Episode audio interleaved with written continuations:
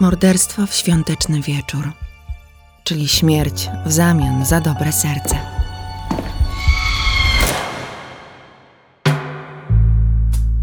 Dwudziestego piątego grudnia 2016 roku, około godziny 16.30, 46-letnia Tricia McCauley napisała do znajomych przez Messengera, że jest w drodze na świąteczną kolację.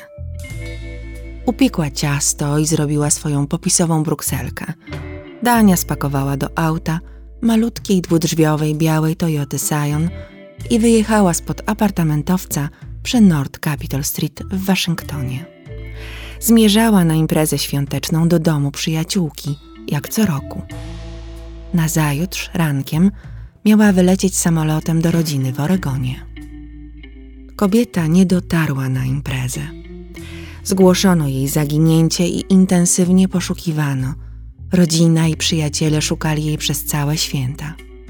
Założyli stronę na Facebooku prowadzoną przez jej brata, by na bieżąco zbierać jakiekolwiek informacje o domniemanym miejscu jej pobytu. Mieszkanie McCauley było wysprzątane, ale w zlewie została nieumyta patelnia ze skrawkami brukselki karmelizowanej w occie balsamicznym. To był znak, że kobieta wyszła z domu i zamierzała jechać na świąteczne przyjęcie. We wtorek 26 grudnia o godzinie 22.21 policja DC, czyli dystryktu Columbia, wypuściła komunikat o zaginięciu Trishi z jej zdjęciem, opisem samochodu oraz mężczyzny, którego widziano dzień wcześniej za kierownicą auta McCauley. Powiadomienie otworzył natychmiast na swoim telefonie Jonathan Paget, podczas wieczornego spaceru z psem. Znał Tricia McCauley, była aktorką w lokalnym teatrze. Zadzwonił na policję i powiedział, że widział jej samochód zaparkowany przy jednej z ulic. Za kierownicą siedział mężczyzna, który palił cygaro lub papierosa, głośno nastawił muzykę i podskakiwał do jej rytmu. Patrzył prosto na Pageta. Nagle wystawił głowę przez okno i krzyknął – Cześć, jak się masz? Po czym odjechał. Paget zapamiętał rejestrację i podał ją policji. Funkcjonariusze znaleźli samochód i mężczyznę trzy przecznice dalej od miejsca zgłoszenia. Auto było zaparkowane pod drogerią sieci CVS. W sklepie policjanci znaleźli podejrzanego, 29-letniego Dwayna Johnsona. W kieszeni miał kluczyki od auta. W samochodzie odkryto zwłoki Trishi z obwiązanymi pasem bezpieczeństwa łydkami. Czarne pończochy były podarte od kolan w górę. Jej buty zaginęły i nigdy nie zostały odnalezione. Pobite ciało było wciśnięte między przednimi a tylnymi siedzeniami. Johnson został natychmiast aresztowany. Twierdził, że kobieta zaoferowała mu podwiezienie, a potem seks – który odbywał się za obopólną zgodą, jak to powiedział, gdzieś przy krawężniku. Potem wpadła w przygnębienie i powiedziała mu, że chce się zabić. I sama powiesiła się na pasie bezpieczeństwa.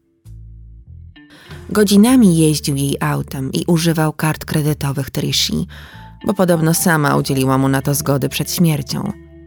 Jeśli ktoś ma myśli samobójcze i daje ci wszystkie swoje rzeczy, czy to jest nielegalne? Zapytał, podsumowując swoje zeznanie. Zapytany, dlaczego jeździł z martwym ciałem w samochodzie, odrzekł, że myślał, iż kobieta śpi. Widzicie ten brak spójności w zeznaniach, prawda? Wszystko wskazywało na to, że niestety McCauley zabrała autostopowicza. Johnson zgwałcił ją mimo stawianego oporu.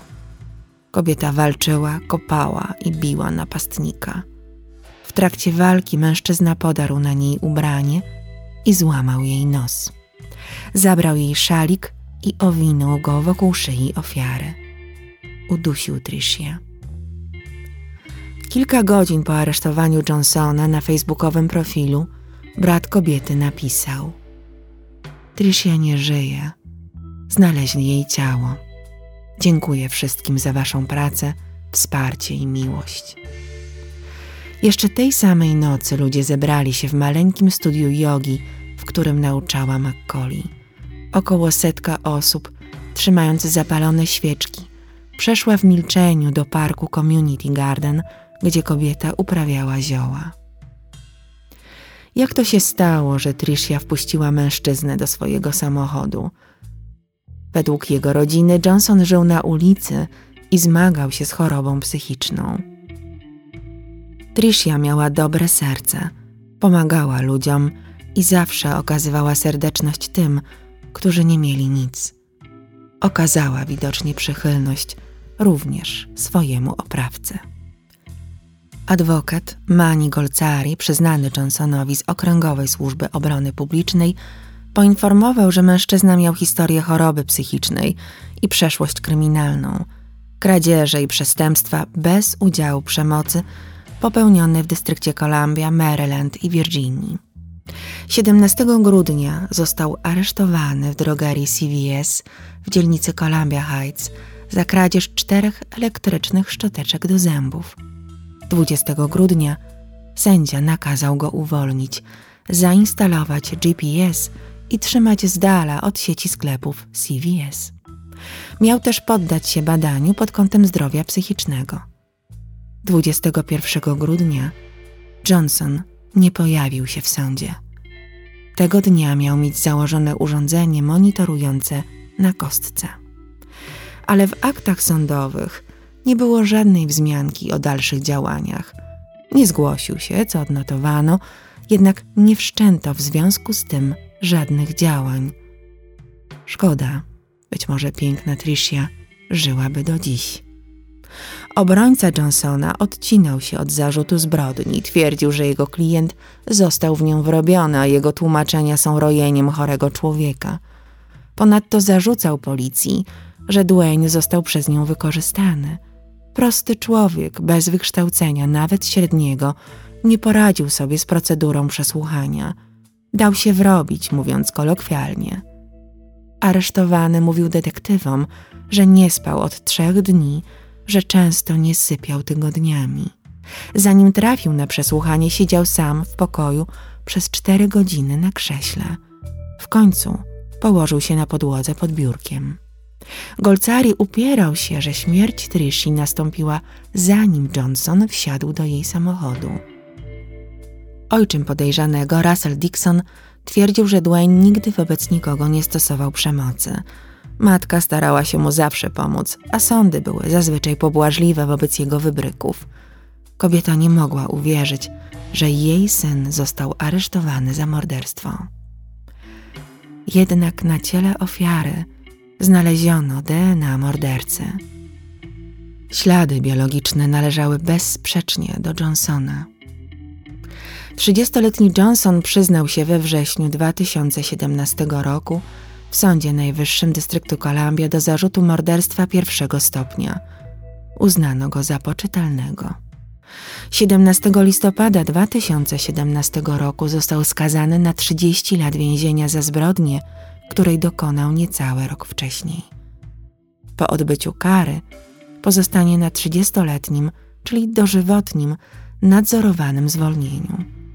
Będzie widniał w rejestrze przestępców seksualnych do końca życia. Ojciec ofiary, Henry McCauley Jr., emerytowany oficer sił powietrznych, nie uczestniczył w rozprawie. Pozostawał jednak w kontakcie z prokuratorami i policją. Uważał, że wyrok nie był wystarczający.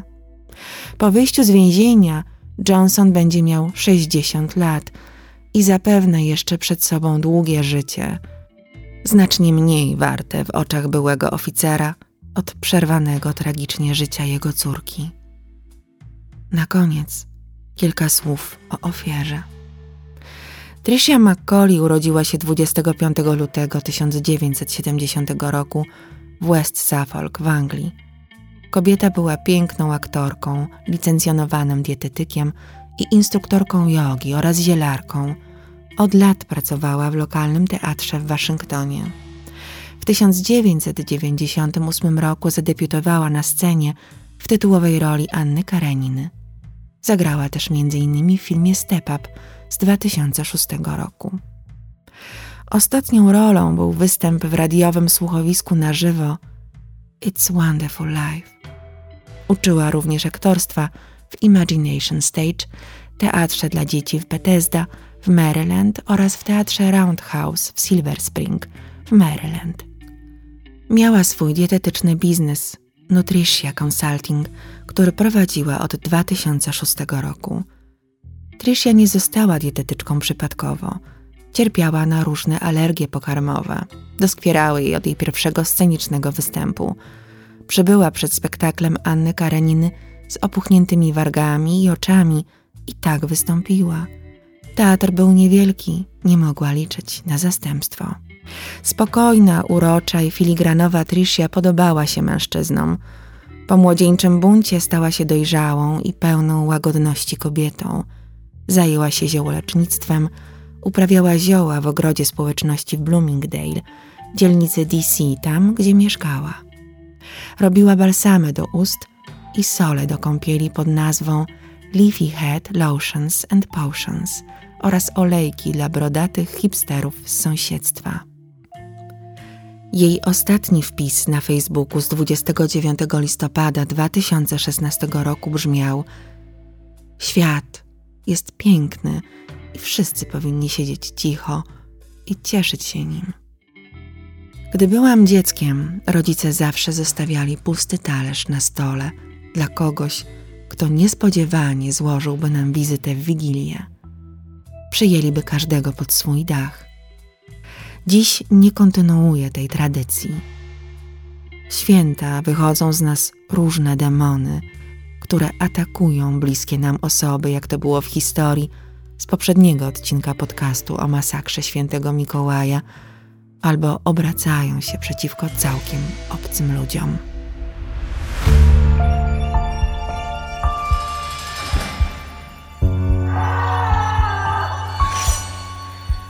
Uważajcie na siebie. Uważajcie na demony świąt.